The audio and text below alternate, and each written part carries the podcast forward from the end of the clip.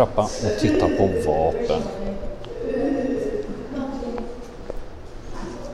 Det var dessutom en presentbutik. Jag får gå dit och titta. Jag såg de skulle ha eh, nästan 600 spänn för en tröja som det stod West Point på.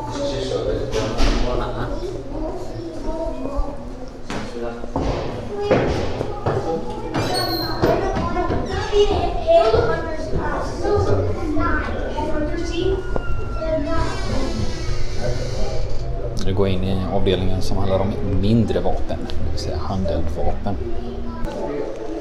De har ju lagt upp det här historiskt. Eh, som man börjar med klubbor och stenar och sen går man fram till moderna grejer. Här har vi jag går längst ner i eh, avdelningen här för småvapen. Här står en eh, amerikansk veteran och berättar för sin familj om sin erfarenhet av de olika vapnen.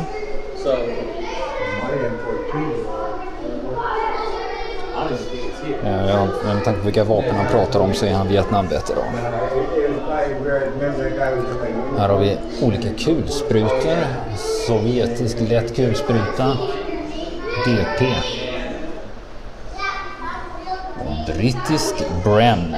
En riktig klassiker från andra världskriget. Och det är alltså, det som är så häftigt är att de här vapnen har jag ju sett och läst om och sett bilder på. Och nu står jag faktiskt och tittar på en riktig Bren. Det är ju sådana grejer som är roligt. Italiensk breda, lätt kulspruta, modell 1930. Och en jättemärklig matning i ett platt magasin som löper längs med pipan. Alltså till höger om pipan ligger den plant. Jättekonstigt. Och sen har vi då också en, ett känt vapen som heter som kallades för BAR. Det vill säga Browning, Browning Automatic Rifle kaliber 30. Och eh, den tror jag inte behöver någon närmare presentation. Den här är försedd med benstöd också.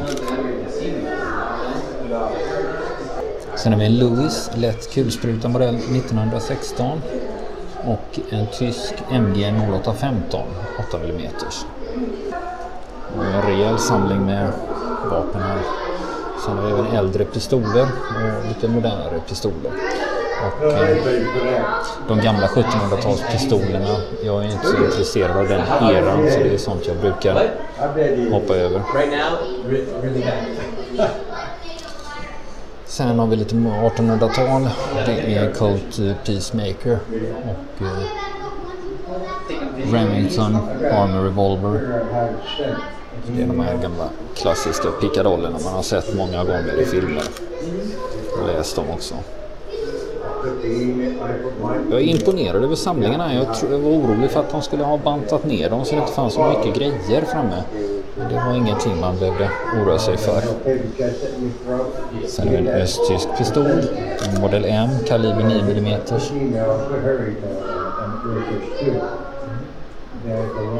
Sen har vi en liten unik sak. Vi har en engångspistol här.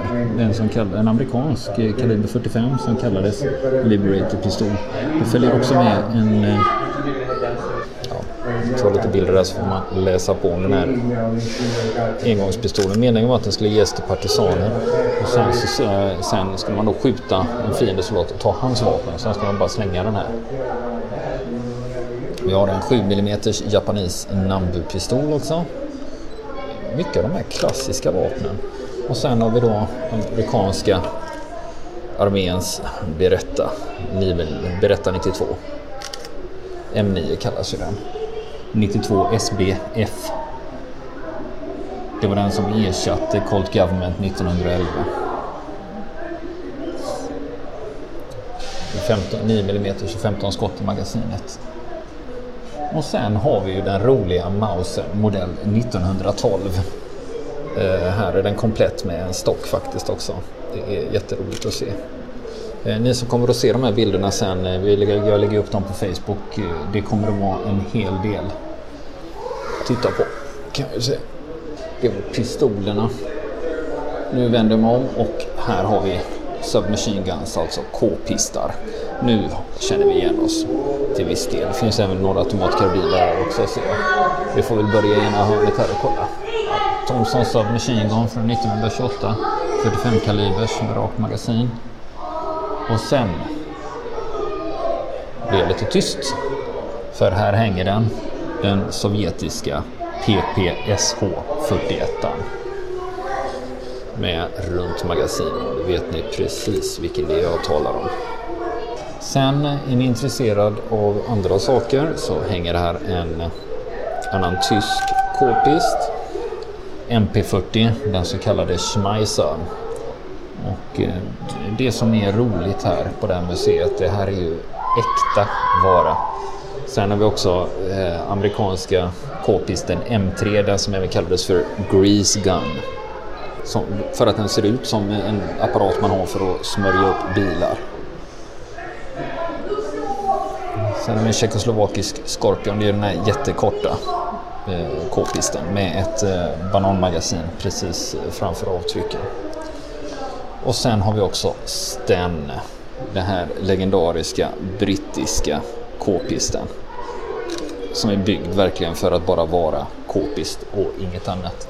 Det som är lite speciellt med den här är att den har helstock och bajonett och ett främre trähandtag. Så man håller alltså inte i magasinet här. Och sen har vi den israeliska Ussin också, 9 mm. Den här är försedd med trästock, den versionen som hänger där. Också ett klassiskt vapen som alla ni känner till. Sen kommer vi till eh, Car ska vi se här, US Submachine Gun, det vill säga en, en k helt enkelt. Det är en Car 15, alltså, eh, snarlik en M16. Jag vet faktiskt inte riktigt vad det är för skillnad mer än att den här är kortare. Då. Den hade kortare pipa än en M16 och eh, hade skjutbar kolv då, så man kunde skjuta fram och tillbaka.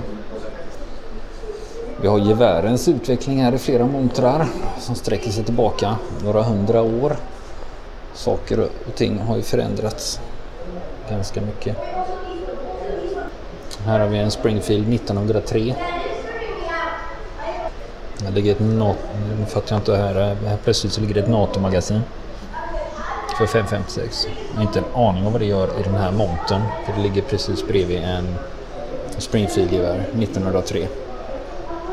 Här har vi lite olika bajonetter och knivar också.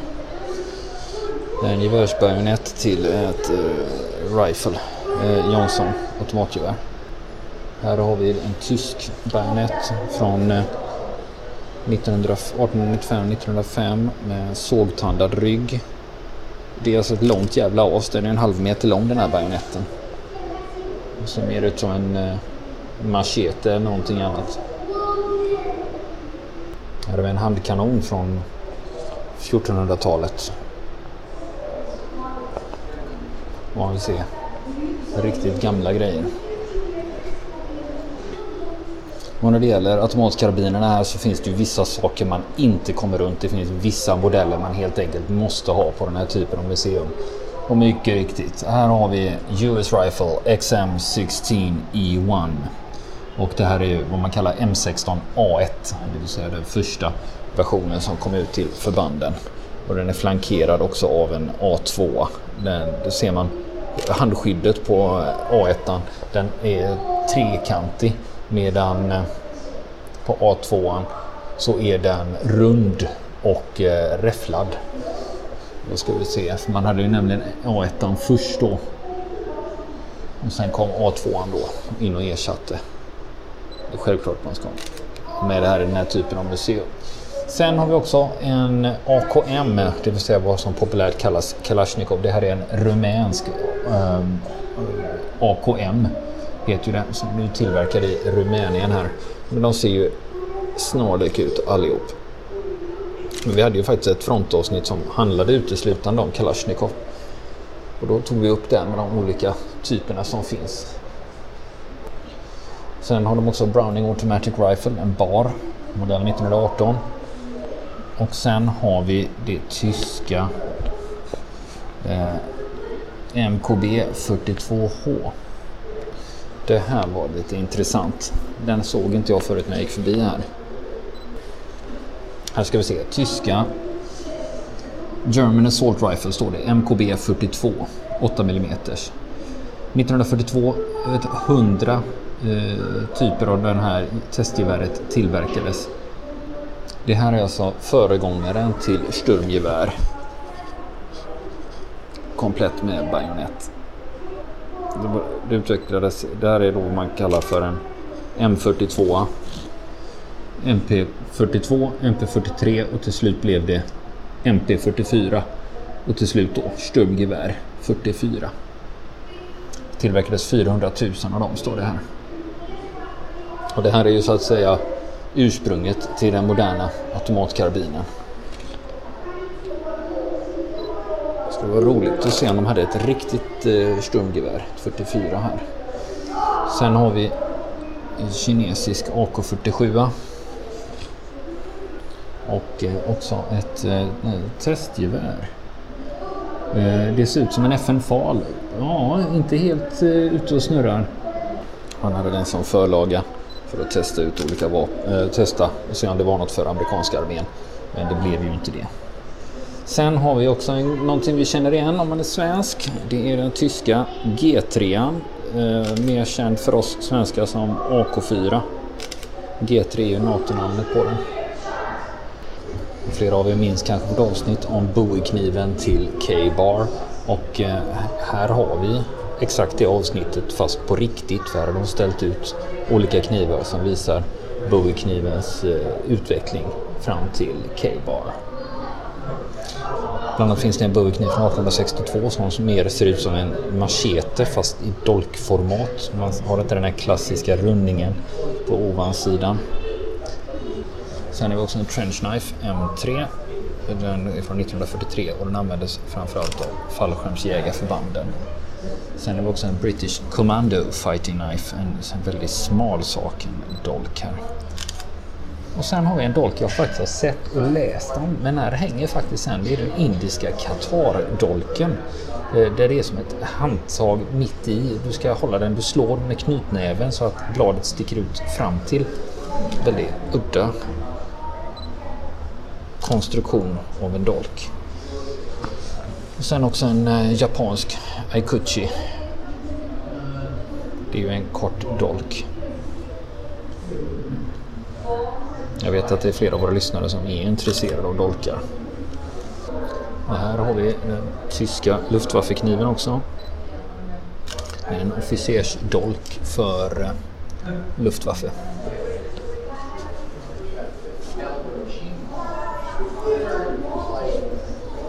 Då lämnar vi avdelningen med små vapen. Går en våning ner. Det är här de stora grejerna hänger. Det står ska man väl säga för det är ju stridsvagnar och kanoner.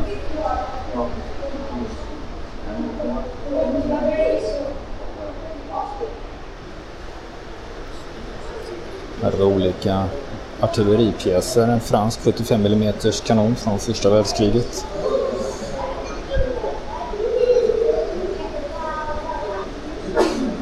Här har vi en intressant historia. Det är alltså en ganska liten japansk granatkastare. Eh, den heter modell 89. Det kallades för knägranatkastaren Knee Mortar. Men det är inte en uh, mortar, det är en grenade launcher. Och anledningen till att den heter Knee Mortar, det betyder inte att de hade den på knäna utan det är den andra modellen för det japanska ordet för två är ni. N-I alltså.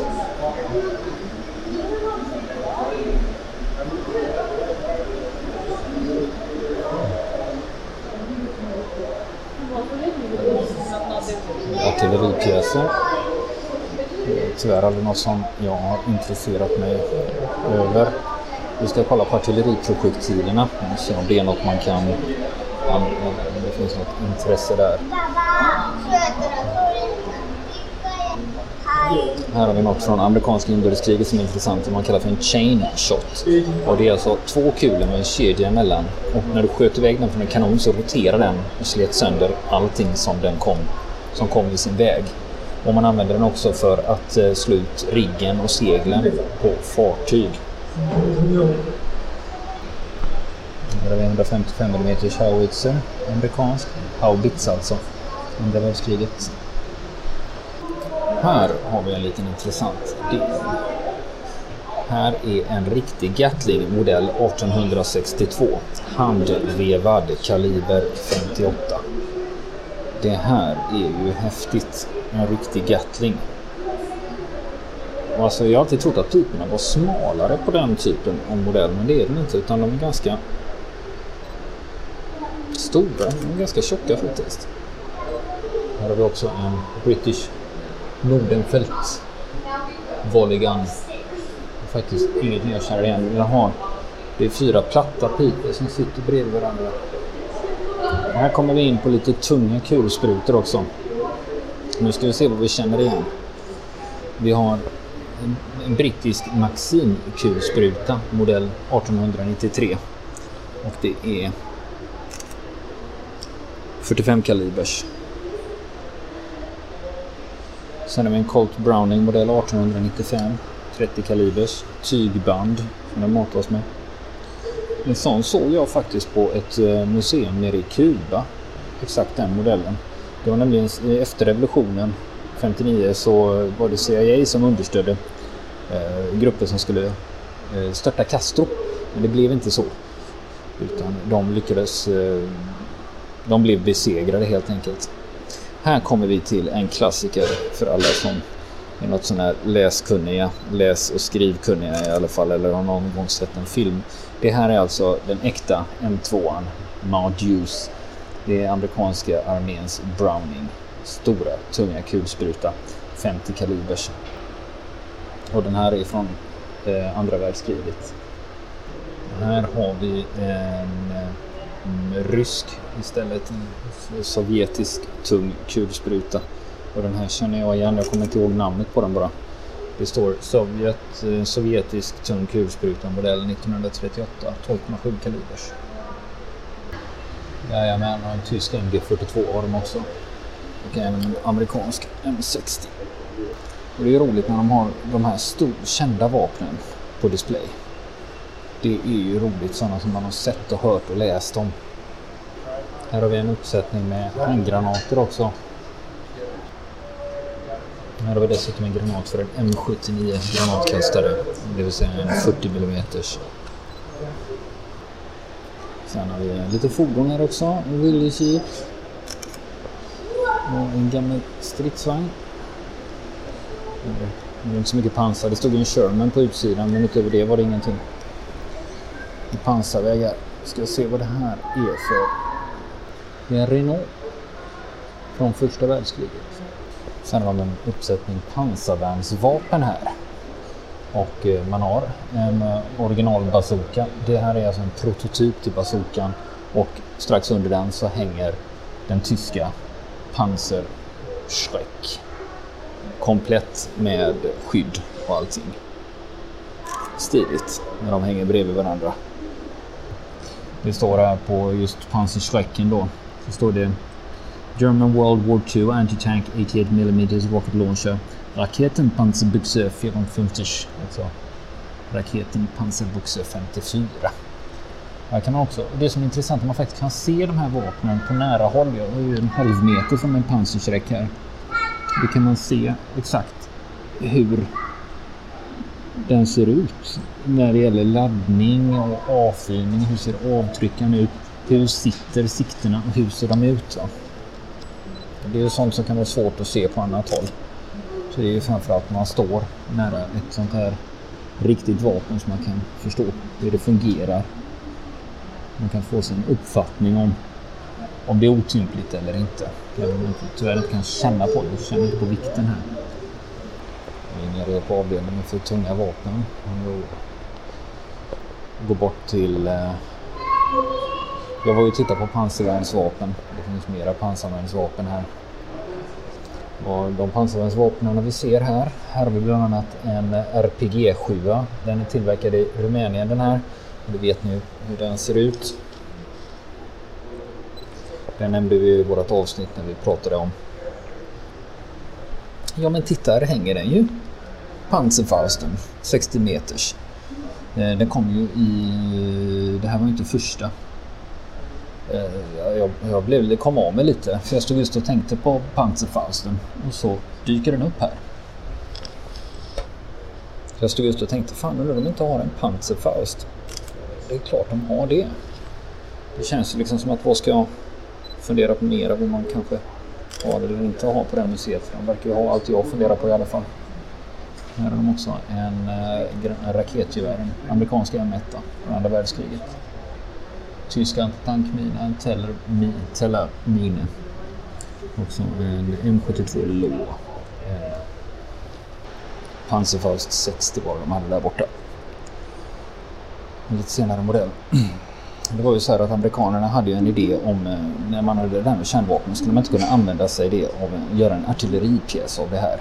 Och det var det som blev det så kallade David Crockett-systemet eh, där artilleri då skulle kunna skjuta kärnvapen. Och de har en David Crockett stående här. Här har vi då en kopia på Fat Man, det vill säga atombomben som fälldes i Nagasaki.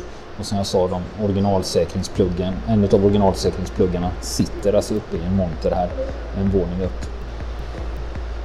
Och nästa vecka fortsätter vi vårt besök på West Point Museum.